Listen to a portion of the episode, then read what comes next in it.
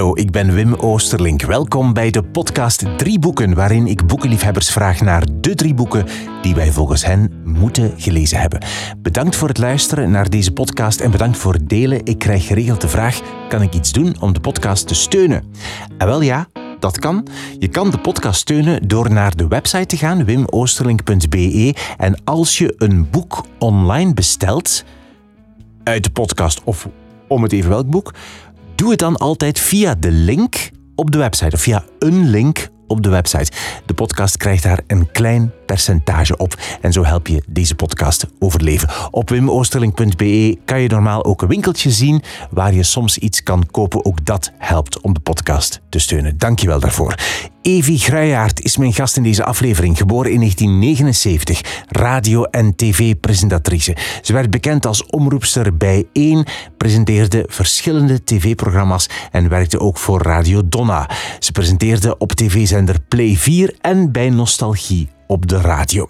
Evie heeft ook boeken geschreven. De volledige lijst, die heel lang is, hoor je in deze aflevering zo meteen. Maar ik noem toch even Start to Run, dat ze hielp op de kaart te zetten. En haar recentste boek op het moment dat we elkaar spreken, Start to Feel Great. Ik ging bij haar thuis langs in Astene, bij Deinze in Oost-Vlaanderen, waar ze woont met haar man en hun twee kinderen, Alec en Helena en een viertal poezen. We gingen zitten in de woonkamer aan een tafel eh, waar haar drie boeken al klaar lagen. Evie vertelt over het enige boek dat ze als kind uitleende in de bibliotheek. Een boek over hieroglyphen. Over de twee boeken over Jezus die ze cadeau kreeg van een priester. Het gaat over jezelf leren kennen. Over lopen en wandelen. Over cakes en taarten. Over migraine en ASS. En ze vertelt over het moment dat ze zich terugtrok aan een kapelletje toen ze in het middelbaar eigenlijk het einde van de examens moest gaan vieren. Alle boeken en auteurs die je hoort in deze aflevering vind je in een lijst op de website wimoosterling.be bij de show notes van deze aflevering. En dan nu veel luisterplezier met de drie boeken die je moet gelezen hebben volgens Evi Grijaard. um, lees ik vaak uh, in mijn hoofd wel, in de realiteit iets minder.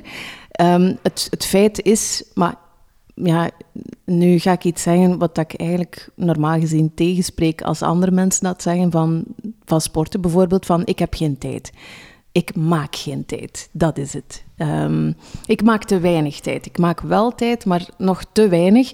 Um, ik weet niet, als je daar achter u kijkt, Wim, dan zie je daar een hele stapel boeken die op mijn to-read-list staan. Is dat de to-read-list? Is Ja, dat is het to-read. Ja, dat zijn zo vier houten blokjes op wieltjes in onze living en daar liggen een hele stapel boeken op. Um, ja, waar ik dan vaak naar kijk. maar je zegt in mijn hoofd lees ik. Wat bedoel je dan? Ja, als je zegt... wel gewoon. Ja, ik, ik denk dat ik best wel wat lees. En ik, ik lees ook wel, maar misschien op een andere manier. Ik heb um, of ja, wij hebben twee kinderen ook. Dat vraagt veel energie, veel focus, veel aandacht. Um, en naast uh, ja, de train train quotidien, het leven as it is, eh, de files, het werk, het koken, het sporten, het socializen enzovoort, uh, maak ik wellicht te weinig tijd in het echt um, om te lezen. Maar ik probeer het te combineren met andere activiteiten. Als ik sport, als ik ga gaan wandelen, ik ga elke dag gaan wandelen. Um, als ik in de auto zit, dan um, heb ik niet het fysieke boek bij, maar ik lees een audioboek. Maar echt? Ik luister heel veel naar boeken. Ja, er zijn een paar geweldige apps waar dat je dan een abonnementje kunt opnemen en waar mensen met een mooie stem dan het, het boek in kwestie ingelezen hebben. En voor mij is dat nu een goede manier om boeken te kunnen lezen. Ik heb het gevoel dat heel veel mensen dat nog niet ontdekt hebben.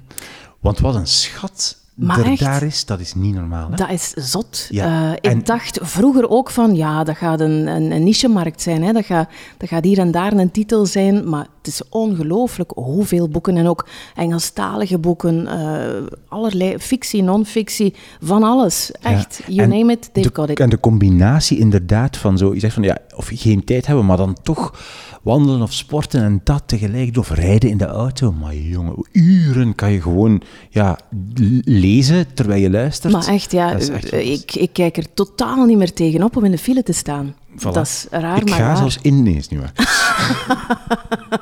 zeg, en uh, als je leest, is dat dan, uh, als, als, je dan toch een keer vijf Ja. minuten leest, is dan daar in de zetel of zo, als je een boek echt uh, zit? Ja, ik, ik verplaats me graag een beetje in de ruimte. eh. als je leest. ja. Soms zit ik daar inderdaad in de living, maar we hebben hier eh, ook in, in onze keuken hebben we zo'n soort ja, zithoek, zeg maar, een cozy corner. Eh, het hangt er een beetje van af. Als het een beetje goed weer is, dan eh, zet ik me ook graag gewoon buiten. Ehm, met desnoods zelfs, ehm, wij, wij ontbijten ook vaak nog buiten, terwijl het toch al niet zo fantastisch goed weer Ook als het koud is, bedoel je? Ja, ja, koud ja, is. maar we hebben zo'n een, een klein infrarood eh, warmertje dat we dan in onze rug zetten. Allee, van onze rug wel, hè? niet in onze rug, maar Mhm. het straalt op onze rug.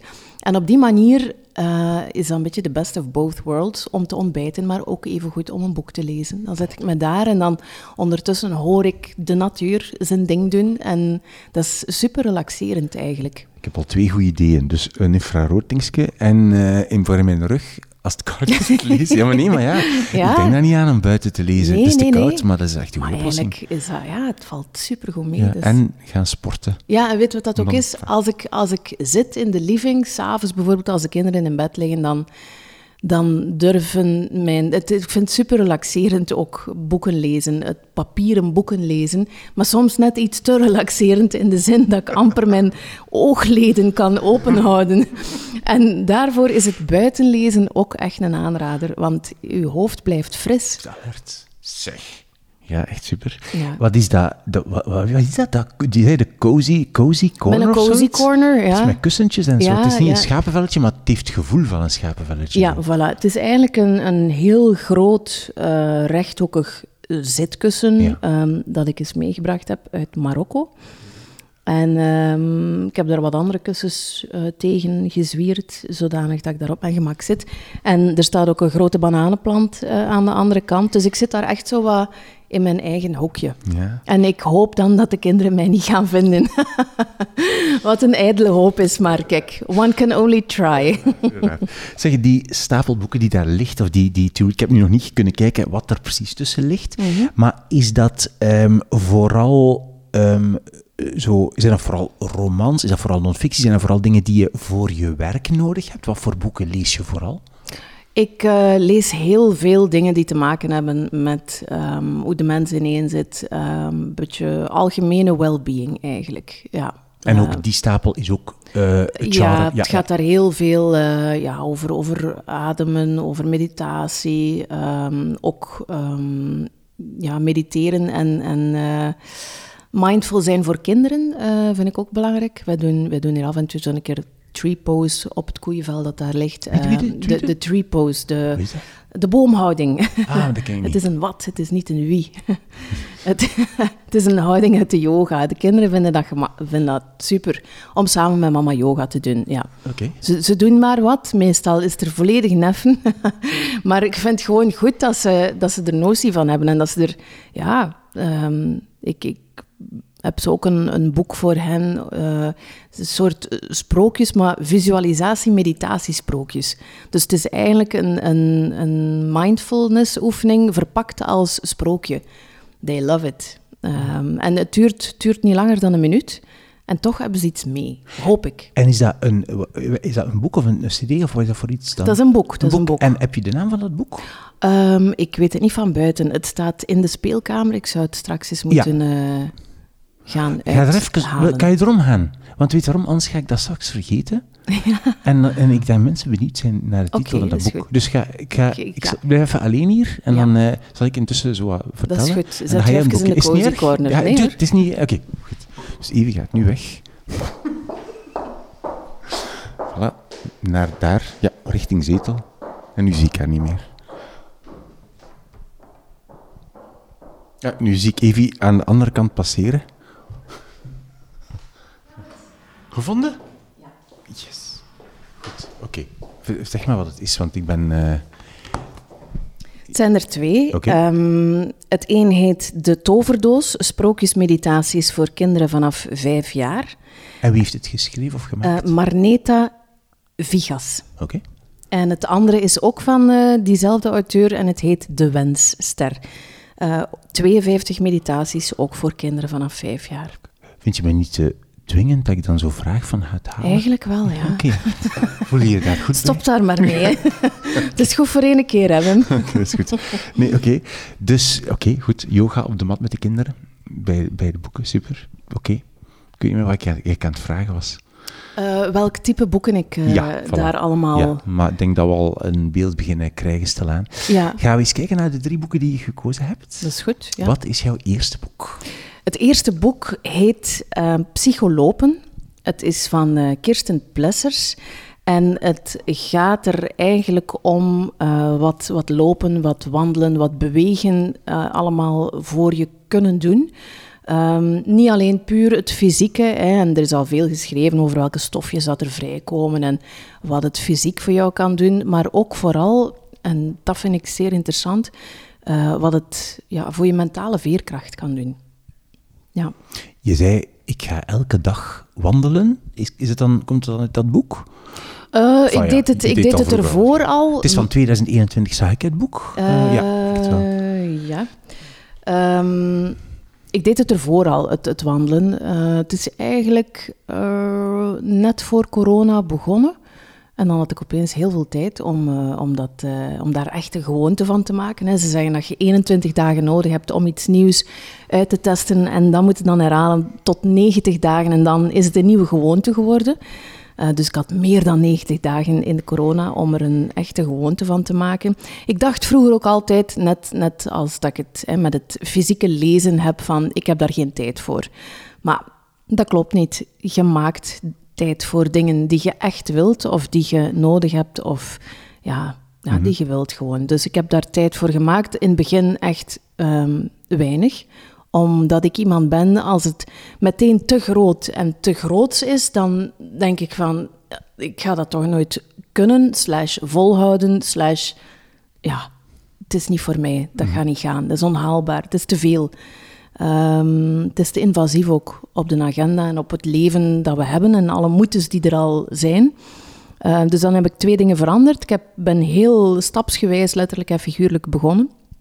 Vijf minuutjes klein Turken in de straat en terug, echt. Ja, ik denk dat de buren zoiets moeten gehad hebben van... Dear Lord, waar is ze nu weer mee bezig? um, maar dat heb ik volgehouden en dan dacht ik van oké, dat kan ik. Dus dan kan ik eigenlijk wel gewoon heel de straat doen en terug. Ben ik dan ook beginnen doen. Nog steeds, denk ik, hadden de buren iets van... Jeetje. Um, en dan ben ik Turkisch beginnen doen. En ondertussen, like vandaag, uh, heb ik een uur gewandeld deze ochtend. En ehm, ik probeer ook de discipline te hebben ondertussen om niet constant naar audioboeken te luisteren, want dan gaat eigenlijk een beetje voorbij aan het uiteindelijke doel van dat wandelen, is om in een flow te geraken, om mindful te zijn, zonder dat dat zweverig hoeft te zijn. Mhm. Ehm, maar dat doet gewoon echt de deugd. En ik merk dat... Ehm, dat ik daarachter gewoon productiever, efficiënter, uh, frisser ben in mijn hoofd. Ja. En daar gaat dat boek ook over, neem daar, ik Ja, daar gaat dat boek ook over. over uh, het, het geeft eigenlijk inzicht in ook hoe dat je mentaal eigenlijk um, een impact kunt hebben op jezelf. In de zin van, als je kijkt naar bewegen, naar lopen, naar wandelen, van shit, shit, weer iets dat ik moet doen, uh, dat gaat niet gaan en ik ga dat niet kunnen en dat is niks voor mij en op, dan, dan gaat het ook niet gebeuren.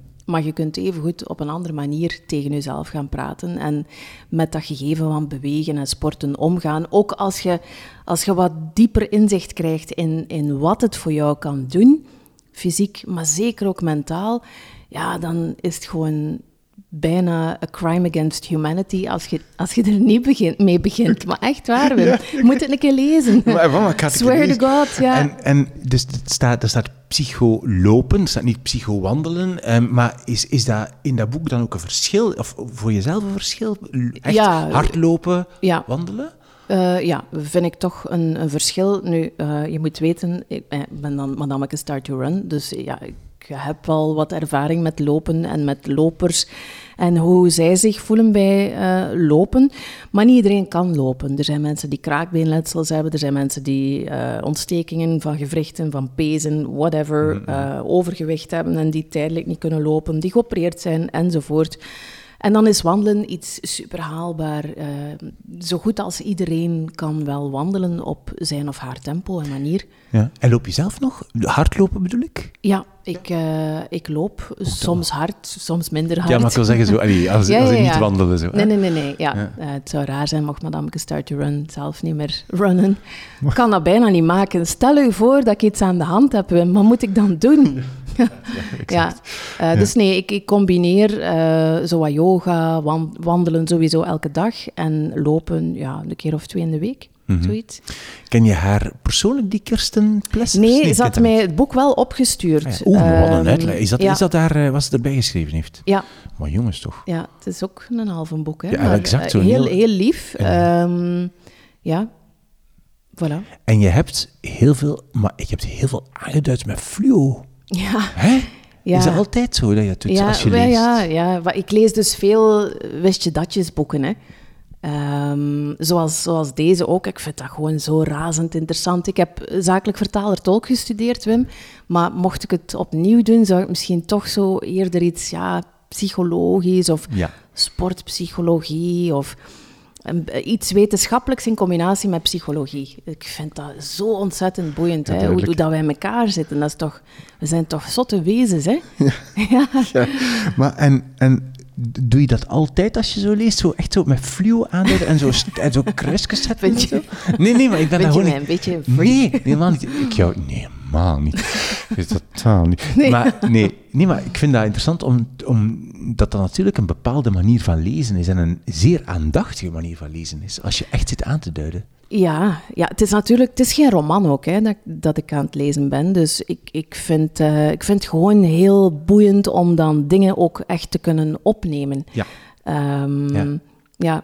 En is het dan niet ambetant als je, als je zoveel of zo graag luisterboeken ja. luistert, leest, ja. dat je daar dat dan niet kan doen? Absoluut, daar moeten ze nog iets op vinden. Ik dus vind bij ook, deze een oproep aan. ja. Dat is mijn groot probleem in de auto Echt, ook. Hè? Dan denk ik van, ja, ja, dan mag ik niet vergeten. Dan mag ik niet... niet noteren. En dan life happens en ja... Ja, het is weg, hè? Het is ook wel zo, ik weet niet of jij dat ook hebt. Uh, we hebben kinderen van dezelfde leeftijd ongeveer. En um, ik, ik vergeet veel. Als ik het niet opschrijf of niet onder, onderlijn of... Uh, ja, denk nu niet dat het problematisch is. Ik denk dat het is door de veelheid van het leven, van, van de veelheid van de prikkels. En de to-do's, we zullen het daarop steken. Uh, dan zijn we nog min of meer normaal. Um, maar daarmee, ja, dat ik het geweldig vind, dan voel ik mij ook zo geruster van, ah, als ik dan nog een keer blader, ik heb ook een heel visueel geheugen. Dus dan, dan weet ik van, ah, dat stond daar ongeveer, mm. in het midden van dat blad, in dat hoofdstuk. Okay. Um, ja. En ge, die aanduidingen dienen die deels om dan zelf mee aan de slag te gaan voor een eigen boek, of als inspiratie of als kennis ervoor of zo? Ja, meer als, als inspiratie effectief. Ik, ik ga niet zitten pikken uit andere boeken. Ik vind dat een soort, uh, ja, dat is een soort deontologie of zo, dat je dat niet doet. Mhm. Maar het kan, het kan mij wel um, een beginpunt geven, bijvoorbeeld. Of het kan mij wel uh, mijn interesse wekken om dan met een expert ter zake rond dat specifiek ding te gaan praten en om daar dan iets rond uit te werken. Ja, Ja. absoluut. Ehm, ik heb mij eh, gisteren bezig gehouden met ehm, een lijst te maken van de titels van de boeken die jij al gepubliceerd hebt. Ja, Ik ben daar twee uur mee bezig geweest. Nee, Sorry. Ik heb deze gevonden. Klaar? ja, Ik vraag me af, ik, vraag me, ik, weet, ik weet vrij zeker dat jij zelf niet al de titels van de boeken kan opzommen die jij ja ik gemaakt vind het hebt. wel handig dat je dat gedaan hebt. Ik ik dat lijstje dan een Ja, ik zal het je dan uitlenen. De boeken zijn als volgt. Lopen met Evie. Hardlopen met Evie. Yoga met Evie. Keep running. Mhm. Fit en gezond. Kinderyoga. Het zijn allemaal aparte boeken, hè? Ja, Dans mondiaal. ah ja, ja. Juist. Was je vergeten. Ja, dat was ik vergeten. Het dagboek van Evie Gruijaert. Ja, da, Dat is ja. Shoe Addict. Oeh, ja. Kop op, leven met migraine. Niet vergeten, ja. want nog maar recent. En dan. Start to run. Start to golf. Start to veggie. Start to swim. Start to walk. Start to bike. Start to fitness. En recent. Start to feel great. Ja, dat is best wel wat, hè. Nou. Hoeveel, hoeveel zijn er dat dan? Ik heb niet geteld. 1, 2, 3, 4, 5, 6, 7, 8, 9, 10, 11, 12, 13, 14, 15, 18 boeken. Je bent echt zo de Herman Oh Brusselmans van de psychologie, eh, van ontwik- zelfontwikkelingsschrijvers. Kijk eens aan. Ja. Hoe gaat dat? Krijg je daar hulp bij om dat te schrijven? Is dat iets dat een solo... Hoe, hoe verloopt... Ik kan dat niet inschatten. Het gaat, deze podcast gaat over boeken. Ja. Dus niet alleen over wat je leest, maar ook over... De interesse is ook van, hoe maak je zo'n boek? Ja, Hoe, ja, hoe werkt behind dat? the scenes, ja. Een beetje, ja. Hoe, hoe ik het eh, meestal doe, is ik werk wel samen met iemand, een, eh, een soort van ghostwriter dan, die, ehm, gelijk nu ook voor mijn laatste boek, Start to Feel Great, ik, ik schrijf eerst alles zelf. Ik, heb een, eh, ja, ik ben een Google Docs vrouwtje. Dus alles, alles wat ik denk, alle projecten Google waar Docs ik vrouwtje. bezig, mee bezig ben, dat is allemaal Google Docs. Ja, nee. ja, ik vind dat, I love Google Docs. Duidelijk. Ja, en daar ehm, verzamel ik al mijn hersenspinsels. Eh, ik schrijf die al een eerste keer uit. Alle topics waarvan ik denk van, oh, dat is boeiend, dat is interessant. Daar wil ik misschien wel iets meer over weten. Of dat zou iets kunnen zijn voor het boek. Eh, ik bundel die daar. Ik, ehm, ik bereid dat al wat voor. Ehm, en dan eh trieer ik daartussen, want ja, dan moet ik daar ook een soort van... Dat is dan een, een heel groot document. Ehm, en dan moet ik orde scheppen in, in de chaos. Ehm, het zijn allemaal relevante, toffe onderwerpen, maar ja, kill your darlings. Eh, kiezen is niet verliezen als je een boek schrijft, maar dat is moeilijk. Ehm, dan probeer ik daar een, een begin, een midden en een einde in te krijgen. Een, een logische opbouw ergens ook, meestal, want het, het is geen fictie die ik schrijf, dus het zijn, het zijn eh, info-slash-do-boeken dan, dan moet daar ook een soort finaliteit in zitten. Dat moet ergens naartoe gaan, hè? want anders, waarom, waarom begin er anders aan? Ehm, en dan, dan laat ik daar wel nog een keer iemand, een, een taalcorrector, doorgaan. Ik hou van taal, taal is mijn passie, maar you never know. Op den duur heb je al die bladzijden zo vaak gelezen, ze daar doorgegaan en weet je het op den duur niet meer. Dan heb je een keer een helikopter nodig die daarboven hangt en die zegt van, hm, zouden we dat stukje dan toch niet beter daar en dat stukje daar? En die zin heb je eigenlijk misschien een beetje herhaald, net iets anders. Ehm, dus in, in dat opzicht. Het is niet zo dat die persoon het volledige boek voor mij schrijft en dat ik gewoon in mijn cozy corner daar Het is lees achteraf. Wa- was het, eh, was het koeken te eten en koffie te drinken ondertussen? Dat niet, hè? want mensen hebben er soms misschien wel een, een, ja, een ander beeld van. Hè, De glitter, de glamour, Wim, van het auteurschap. Ehm, maar nee, het is, het is wel het is een, het is een hard labeur, het is, het is veel werk, maar het is wel super tof. Hè? Je, het, is, het is bouwen aan iets, hè? Het, is, het is Lego, maar dan met woorden.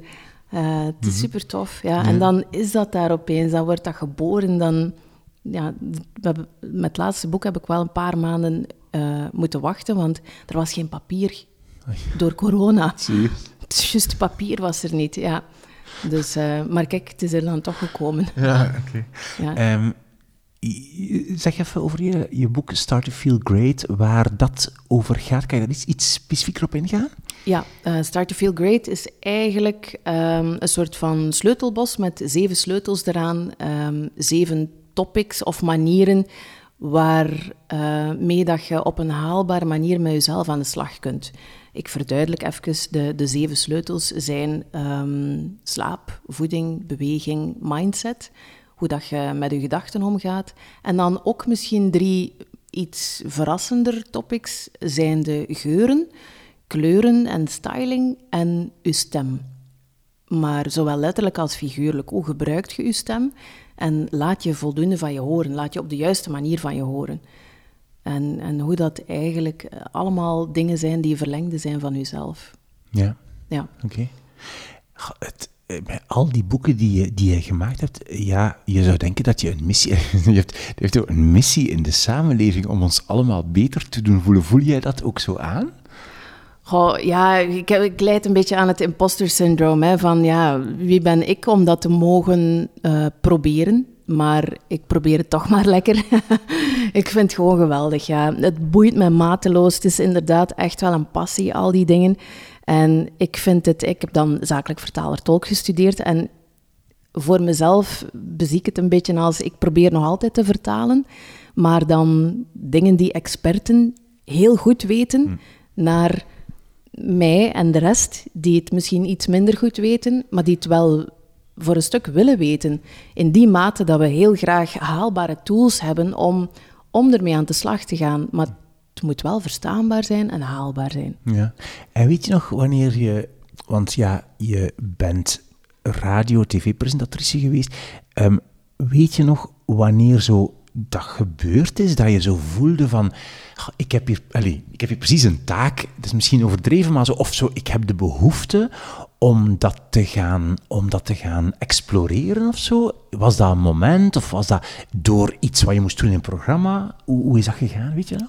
Goh, dat zat er eigenlijk al van kinds af aan in. Um, ik, um, het is heel vreemd begonnen, uh, in de zin van, ik wou ik leende altijd hetzelfde boek uit in de bibliotheek. En dat was een boek om te leren hieroglyphen schrijven. Echt waar, ja. Dat en de cd van Army of Lovers. Ja, het, het, heeft me altijd geboeid, zo andere dingen, andere, andere manieren om naar dingen te kijken. En ik, ik was er rotsvast van overtuigd, ik ga hieroglyphen leren schrijven. Ja. ik was ook gefascineerd door Egypte en wat dat ze daar allemaal, hoe, die, die, ja, hoe dat, dat daar allemaal werkte en in zijn, in zijn gang ging. En, um, ja, ik, ik heb... Ja, dan, of, het, is, eh? het is niet zo hard gelukt. Ik kan niet zeggen, doe eens iets. Ja, maar ik mocht op den duur mocht ik het boek ook niet meer uitlenen. Ah, er zat een limiet op, dus ja, ik ben, ik ben moeten stoppen ermee. Um, Maar dan eh, was ik ook wel altijd iemand... Mijn grootouders waren beenhouwers en... Um, ja, mijn ouders waren er ook, vooral mijn papa was ervan overtuigd. Hè, het belangrijkste dat je eet op een dag is je vlees, dat je er kloek op staat hè, en je patatjes, want uw patatjes zijn een helft van uw vitamine C op een dag.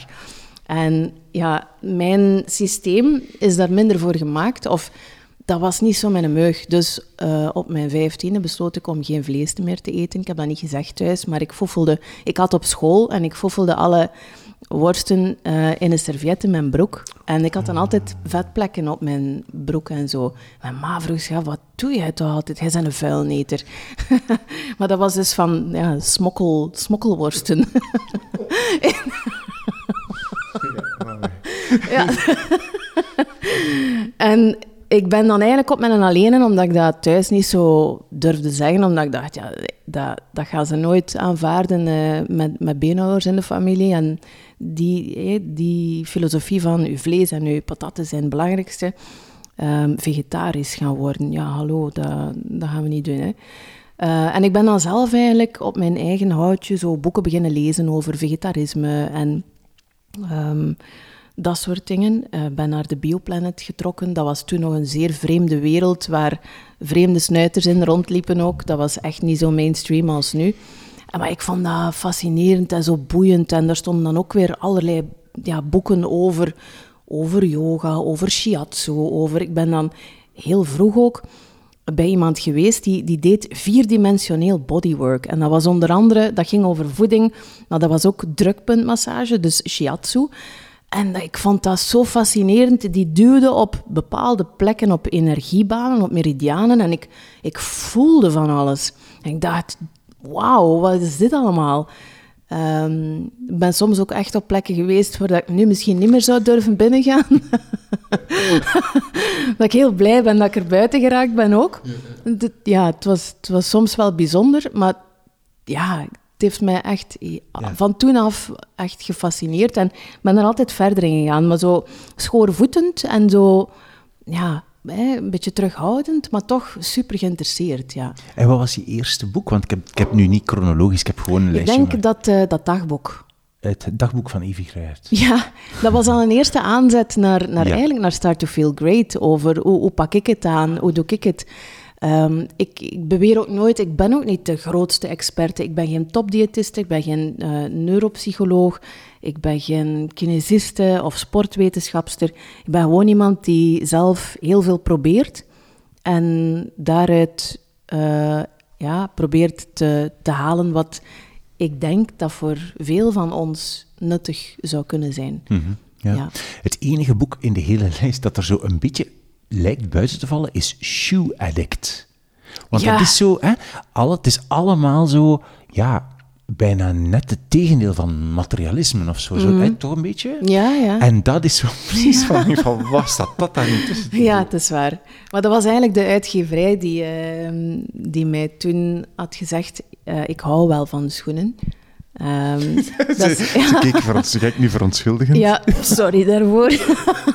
nee, mag jij sorry niet meer zeggen. Dus nee, ik hou van schoenen, Wim. En We dan? hebben afgesproken om Ja. geen sorry meer te zeggen. Ja, ehm, ja, ik vind schoenen... Sommige mensen hebben iets met, met handtassen, met horloges, met juwelen, met weet ik veel wat. eh, dure kunst in huis of eh, een, ja, een chique auto. Of, wel, voor mij zijn schoenen, dat zijn mijn chique auto's. Die, hebben ook zo die kunnen zo schone lijn hebben. En die kunnen ervoor zorgen dat ik, dat ik er sta, letterlijk en figuurlijk. Ik denk dat dat zo'n beetje... Dat is wat dat er ook achter zit. Los van het feit dat, dat ik ze gewoon mooi vind, echt, ja. Ja, ja, maar ik snap het wel. Natuurlijk, in die zin klopt het erbij dat, het, dat als je je goed voelt daarin, dat dat ook bijdraagt aan een soort zelfvertrouwen natuurlijk. Ja, hè. maar ik volg je volledig. Dat is niet het meest psychologisch onderbouwde boek of zo. Maar soms mag het ook gewoon een keer fun zijn. Toch? Inderdaad, Voilà, absoluut. Jouw eerste boek was Psycholopen Mhm. van, ben de naam vergeten, Kirsten Plessers. Kirsten Plessers. Ja. Ja. Wat is jouw tweede boek?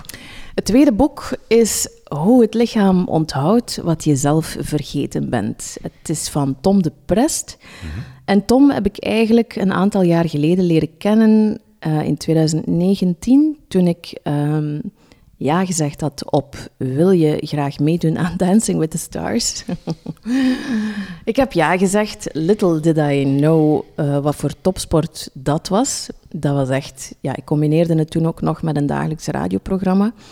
Ehm, en het hield eigenlijk in dat ik ja, vijf uur op een dag eigenlijk met dansen bezig was, maar met niet een keer een, een, voetje voor het ander zetten, maar omhoog springen, salto's in de lucht, eh, kronkelen rond een man zijn lichaam.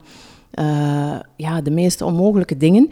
En Tom was en is nog steeds de, de kinesist die de dansers of de deelnemers onder handen neemt als ze eh, pijn hebben, verzuurd zijn, geblesseerd zijn enzovoort.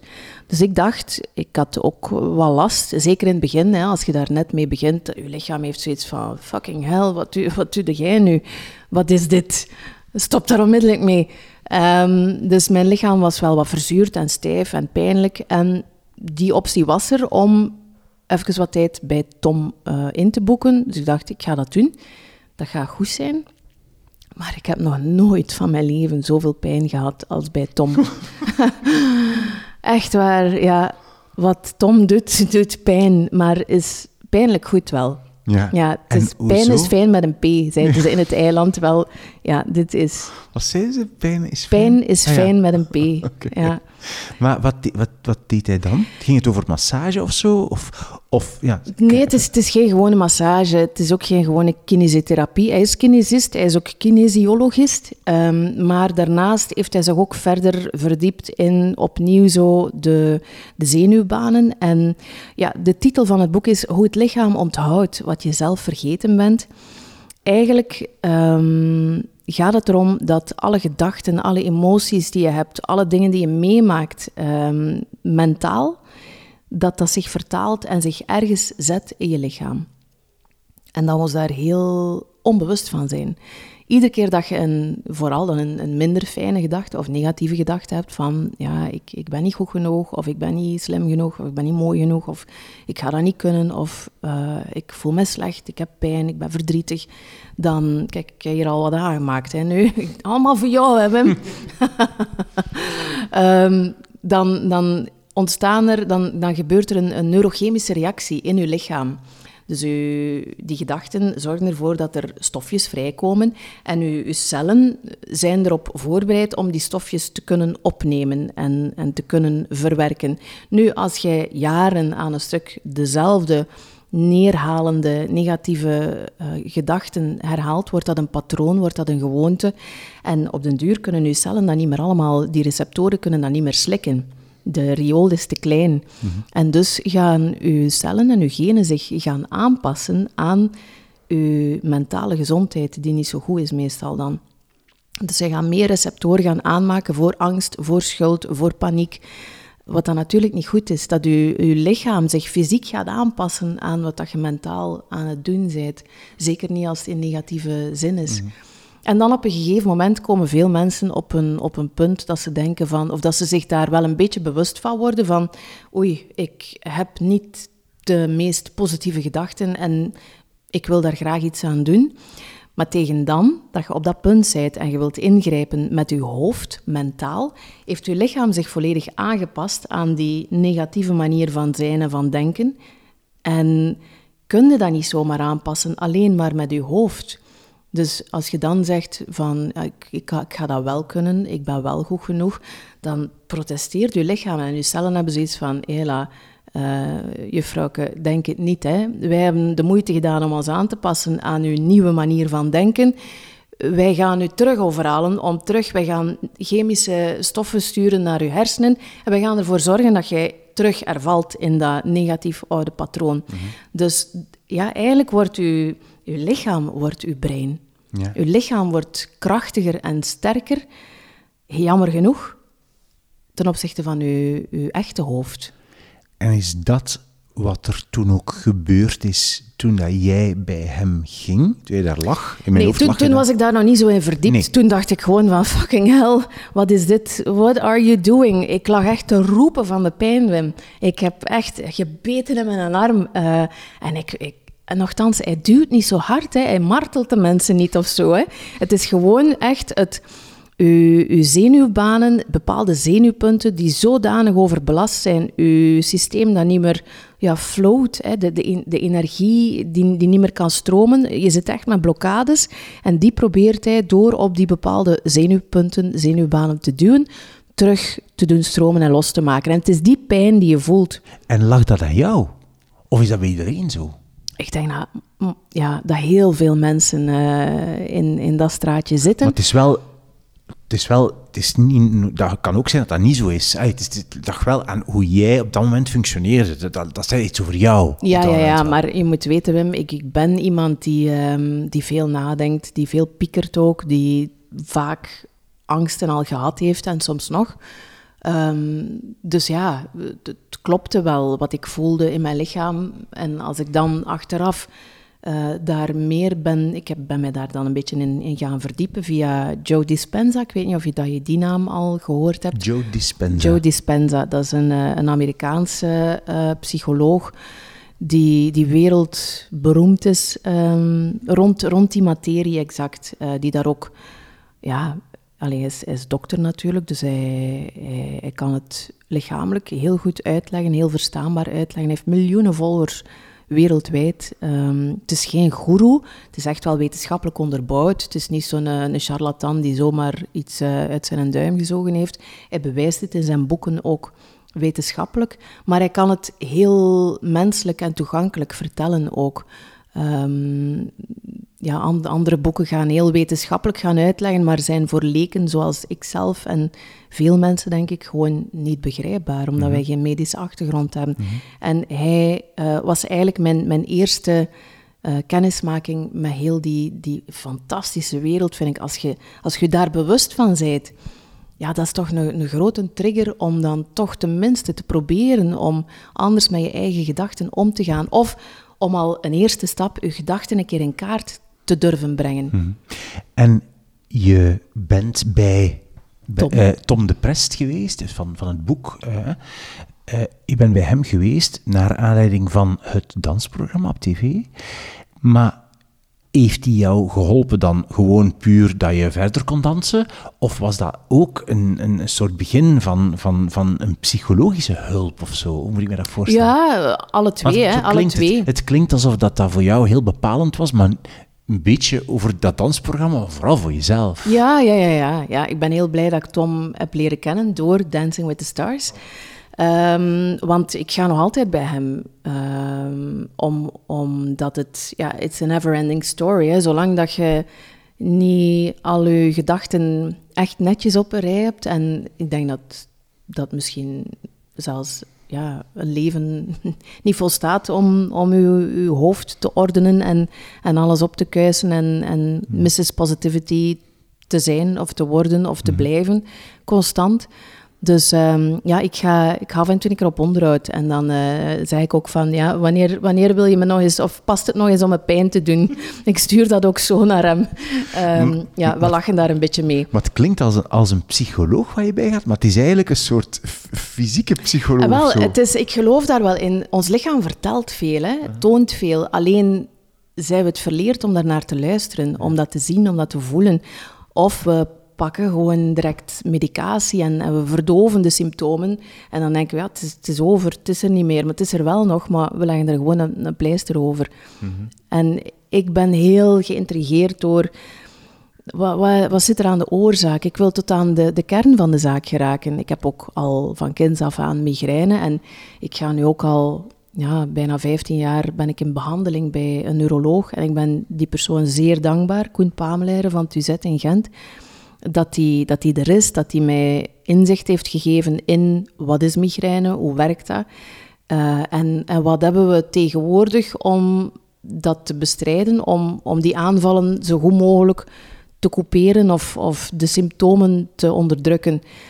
Maar er moet iets aan de oorzaak liggen. En dat weten ze nog altijd niet. En ik denk dat veel van wie ik ben als persoon, het type persoon dat ik ben, dat is ook bewezen dat, dat migrainepatiënten of leiders met al of niet gestipte ei, um, dat daar een, een, samenhang is tussen angstproblematiek, uh, neiging of uh, ja, vatbaarheid voor burn-out, depressie enzovoort. Dus dat hangt allemaal aan elkaar. Ik geloof daar ook in. Er zit daar iets aan de kern. En het was eigenlijk ook een beetje in dat opzicht. Ik was aan het beginnen babbelen met Tom tijdens Dancing with the Stars, tussen de pijnlijke momenten door, hebben we ook wel veel gelachen en, en gebabbeld. En vroeg ik hem van, ja, zou dat iets kunnen betekenen voor mijn migraine ook? En uh, in dat opzicht was ik eigenlijk begonnen met een reeks behandelingen bij hem. Mm Ja, en is dit dan allemaal een soort zoektocht op zoek naar een oorzaak? Ja, een, een, een ontdekkingstocht eerder. Zoektocht klinkt, klinkt zo dwingend. Ik, ik, weet, ik weet niet of ik een antwoord ga vinden op die migrainevraag, maar ik vind de, de tocht vind ik ook al zeer boeiend. Um, de tocht naar wie, wie ben ik, wie, wie toon ik op dit moment en wie, wie wil ik zijn. Uh, en, en daar zo een, een, goed, een goede balans tussen vinden. Wie ben ik, wie, wie wil ik zijn, wie toon ik uh, ja, durven ontdekken wie dat ik echt ben. Want ik weet niet of ik het al 100% weet hoor, wie dat ik echt ben. Ja. Dat is zo fascinerend, ja. Ja, dat is toch. Dat is toch zo boeiend om ermee aan de slag te gaan en om, te durven, om daar te durven induiken in uzelf.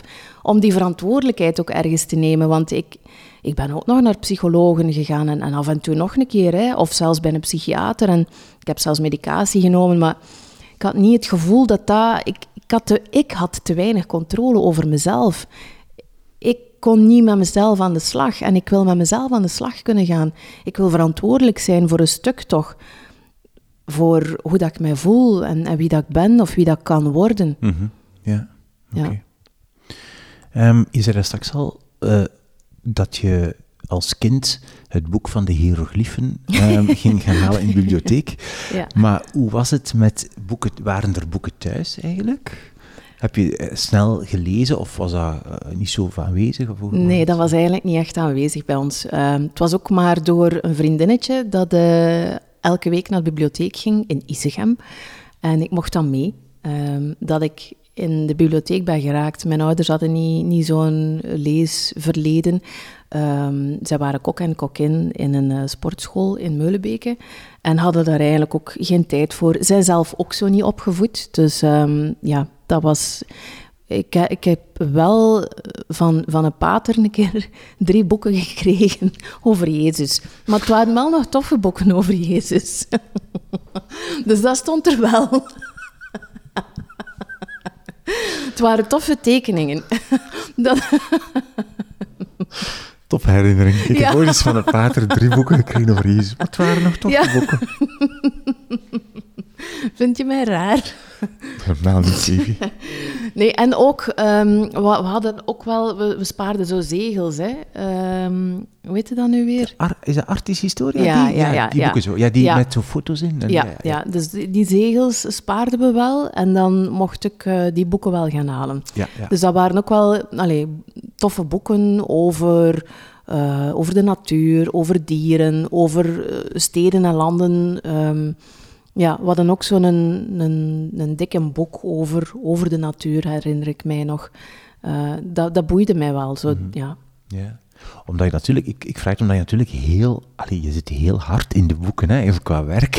je zit he- Ja, er heel ja, hard in. Ja, En, dus je hebt dat echt zelf, ont- zelf ontwikkeld Ja, dan ja, ik heb dat zelf, eh, ben er zelf mee aan de slag gegaan. Ja, Ja, Oké, goed. Jou, ehm, hoe lang is het geleden dat je bij, bij, bij Tom de Prest geweest bent? Ik denk drie weken. Drie weken geleden. Ja. Ja, goed. En is het dan nu tijd om nog eens te gaan? Of is het nu net, net geweest? Allee, hoeveel, Goh, meestal adviseert hij toch om daar minimum een maand tussen te laten, omdat dan moet het systeem weer even bekomen, de blauwe plekken moeten kunnen wegtrekken. maar het klinkt gruwelijk, maar het, het- kijk, ik heb er ook weer... echt als een eh, aanrader. eh. ja, maar het is echt, ja, je, Ja. je moet het eens doen. Je, je toonde dat je er, er weer er ook Ja. eh, in geschreven, maar met paars deze keer. En zelfs echt zo ingeschreven. Wacht, kan, nu ga ik eens kijken wat erin staat. Er staat op. Emotie is gelijk aan trilling law of attraction. Maar dat is helemaal niet, dat is goed. Ja, ja. Hou van je hart. Kijk, allemaal uitroeptekens en zo, en streepjes, Ja, en heb ik dankbaarheid. een bladwijzer, een blaadje wc-papier. Ah, ja, ja, ja, ja. Maar ik gebruik ook alles als bladwijzer. Ja. Als wat ik tegenkom. Maar goed zeg. Oké, jouw tweede boek. Hoe het lichaam onthoudt wat je zelf vergeten bent. Zeer fascinerende titel. Tom de Prest. Ja. Wat is jouw derde boek?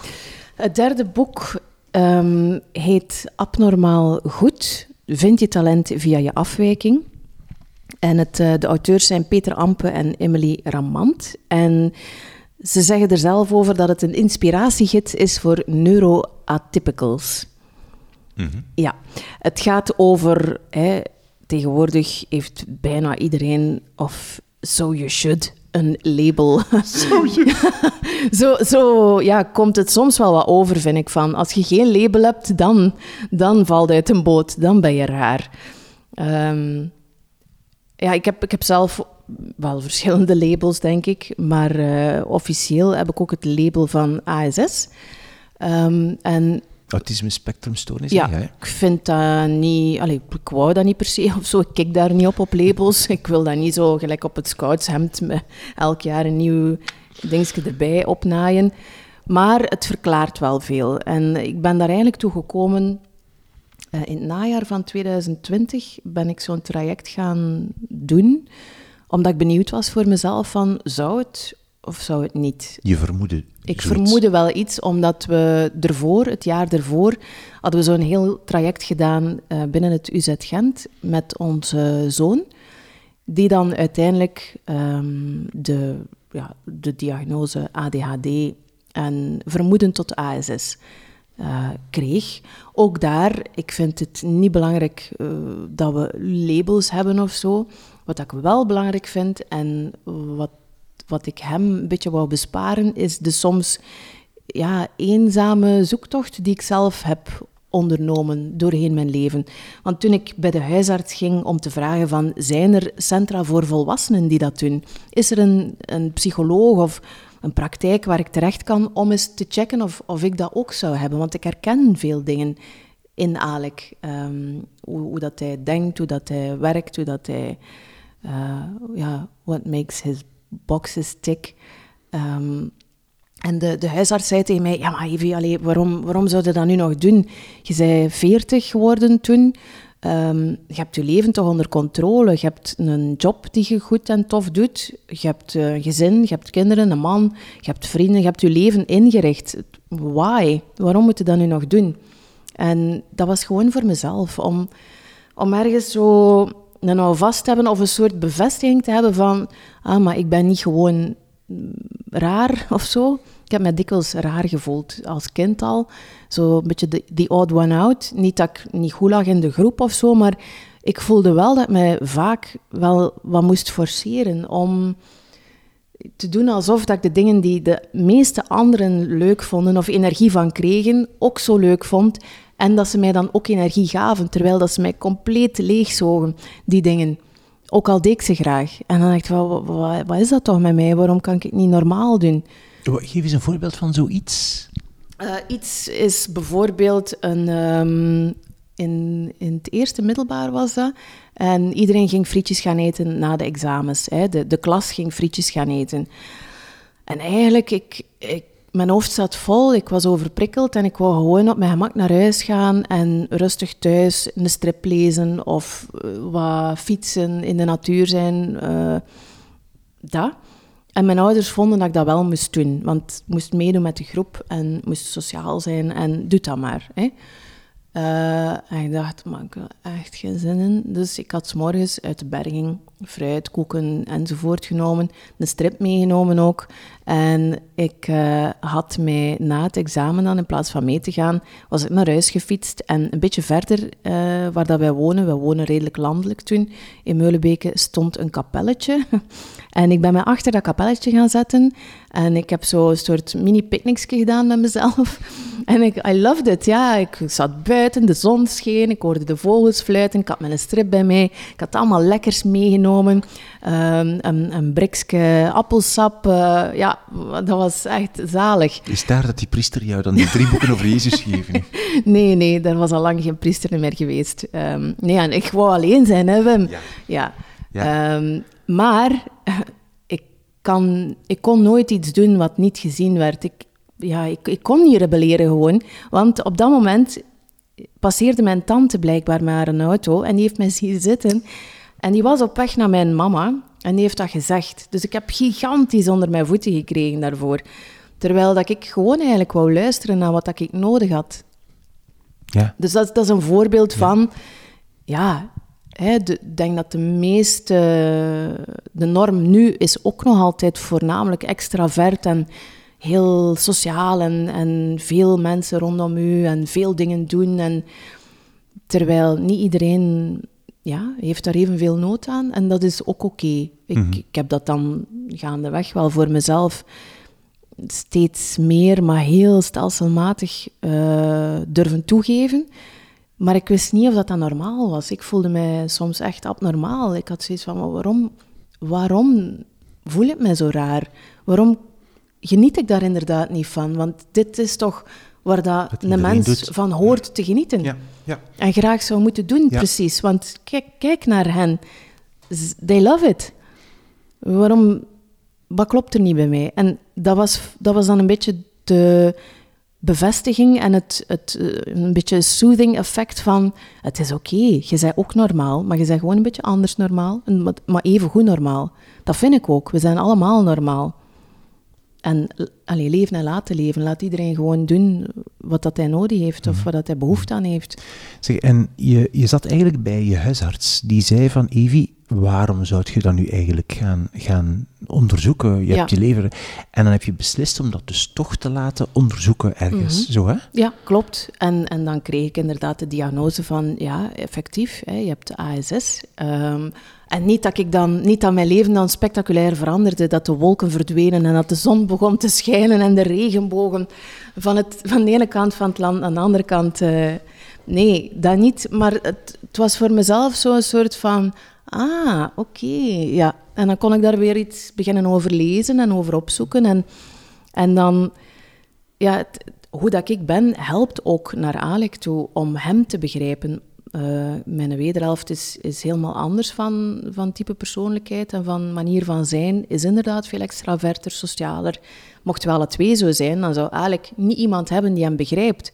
En die hem misschien op een zachte manier toch wat een beetje uit zijn comfortzone kan halen af en toe. Dus, dus het is eigenlijk daarvoor dat ik die zoektochten zowel met Alec als voor mezelf heb gedaan om weer haalbare handvaatjes te hebben in, in het leven om mee aan de slag te gaan. Mhm.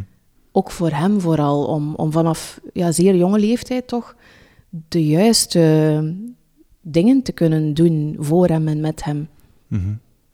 Ehm, is het ook belangrijk om, omdat je zegt van, dan eh, begrijp je jezelf beter, is het belangrijk om controle te hebben ook zo? Om, is dat ook belangrijk voor jou? Ja, misschien, ja, ja, sowieso. Ik ben wel iemand die graag ja, een beetje controle heeft over, over de dingen, over de planning, over zichzelf, over ja, wat er gaat gebeuren. En, maar ja, dat, dat hangt ook vast met, met de ASS natuurlijk, dat je graag ja, duidelijkheid hebt en planning hebt. En het is nu ook niet dat ik een kernautist ben of zo. Hè. Je hebt daar allez, net Fifty Shades of Grey, Fifty Shades of ASS. Hè. Ik denk dat er binnen dit en 20, 50 jaar, dat ze misschien niet meer over ASS gaan spreken en, en dat er nog honderd onderverdelingen gaan zijn daaronder. Uh, omdat dat zo breed is. Er, ook daar, one size doesn't fit all. Het, um, het, is, het is zo breed. Ja. ja. ja. ja. Oké. Okay. Mooi. Als ik zo het klinkt allemaal zwaar misschien, hè, maar, maar, het, is, het is vanuit een ongelooflijke positiviteit en zin in... Dat, maar dat, dat, mag, dat mag zwaar. Dus het is gewoon heel interessant. Het is gewoon... Ja. Want wat je natuurlijk... Je zegt zwaar, maar alle, alle drie jouw boeken ja, gaan natuurlijk alle drie, en jouw, die boeken die je zelf schrijft ook, over, denk ik, werken aan jezelf. Ja, ja, bewust worden van wie, wie ben ik nu eigenlijk? En klopt de versie die ik ben nu, klopt dat eigenlijk met wie, met wie ik echt ben, van binnen? Weet je wat dat mij zo fascineert? En daar dichterbij komen, sorry. Ja, ja, ja is, is hè, we worden geboren als, als baby en, en we zijn. We zijn onszelf. En dan worden we in allerlei mallen geduwd. Zeker onze generatie, denk ik, nog. Ik hoop, of ik denk, en ik hoor toch, dat dat precies wel wat minder is nu. Alhoewel dat er dan weer andere uitdagingen zijn, beïnvloed worden door social media enzovoort. Um, maar ik denk dat die toch beter de, de, hun grenzen bewaken en sneller hun grenzen kennen.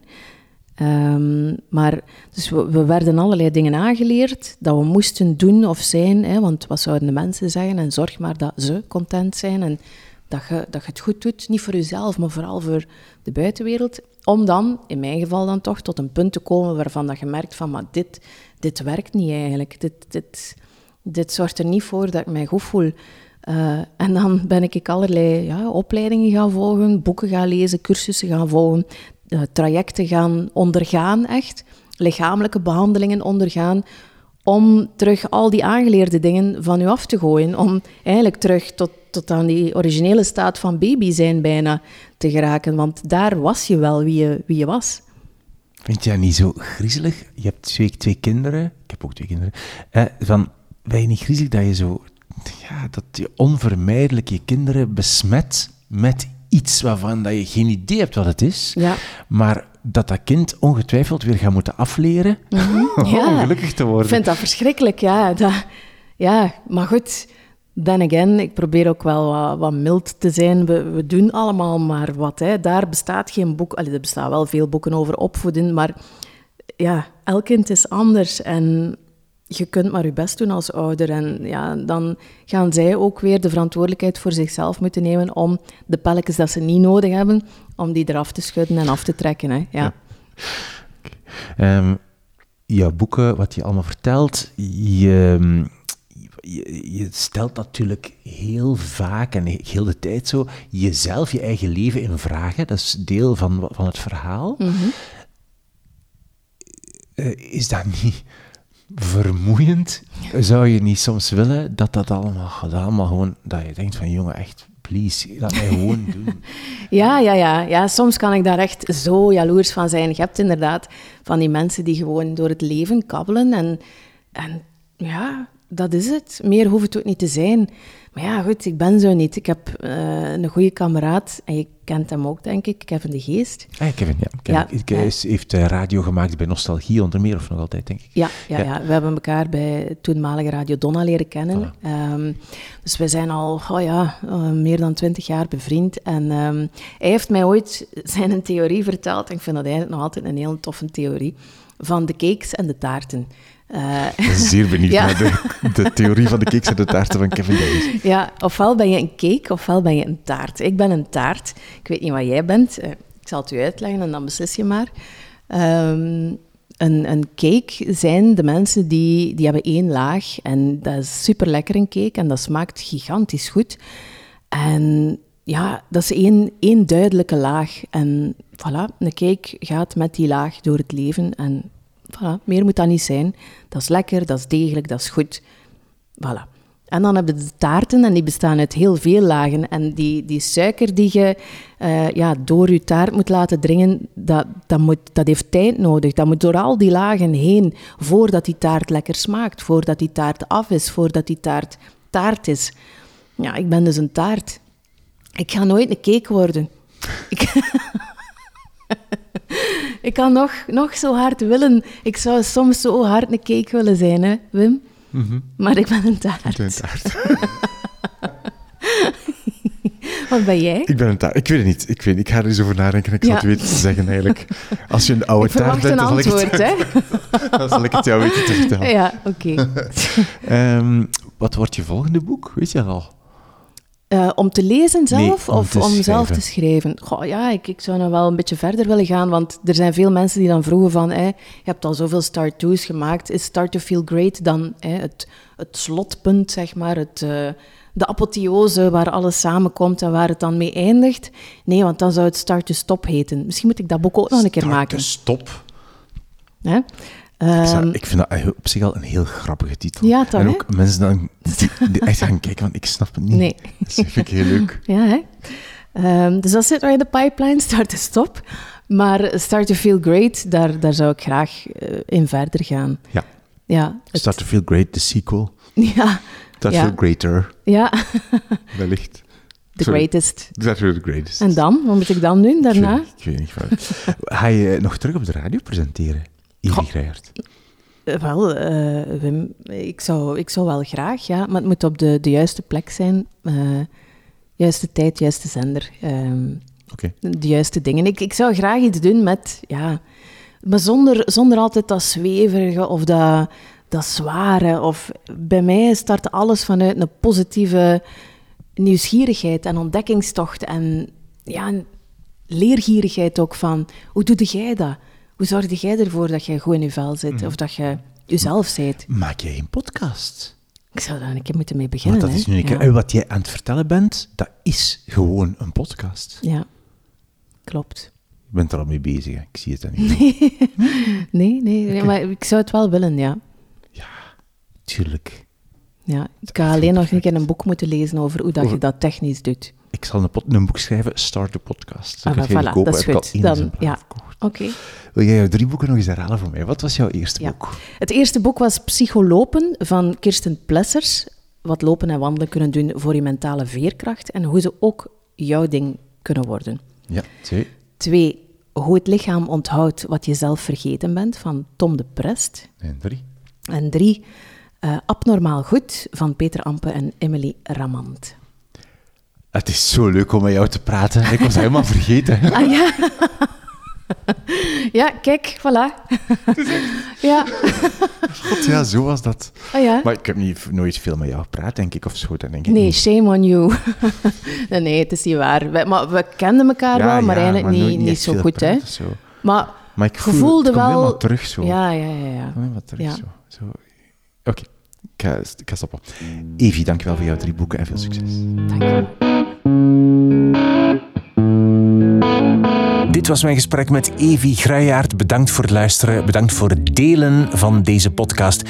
Zoals ik in het begin al zei, surf naar wimoosterlink.be en als je ooit nog een boek bestelt, doe het via een boekenlink op die website. Dan steun je daarmee de podcast. Dank je wel daarvoor. Op de website vind je alle boeken die we noemen in deze aflevering. Je kan drie boeken ook volgen op Instagram, drie underscore boeken. Geef een recensie in de app waar je nu aan het luisteren bent. Deel, abonneer je en laat vandaag of morgen aan twee vriendinnen of vrienden weten dat ze ook eens naar deze aflevering moeten luisteren. Daar doe je mij een groot plezier mee. Ik ben Wim Oosterlink. Dit is de podcast Drie Boeken. Dankjewel voor het luisteren en voor het delen. En tot de volgende keer.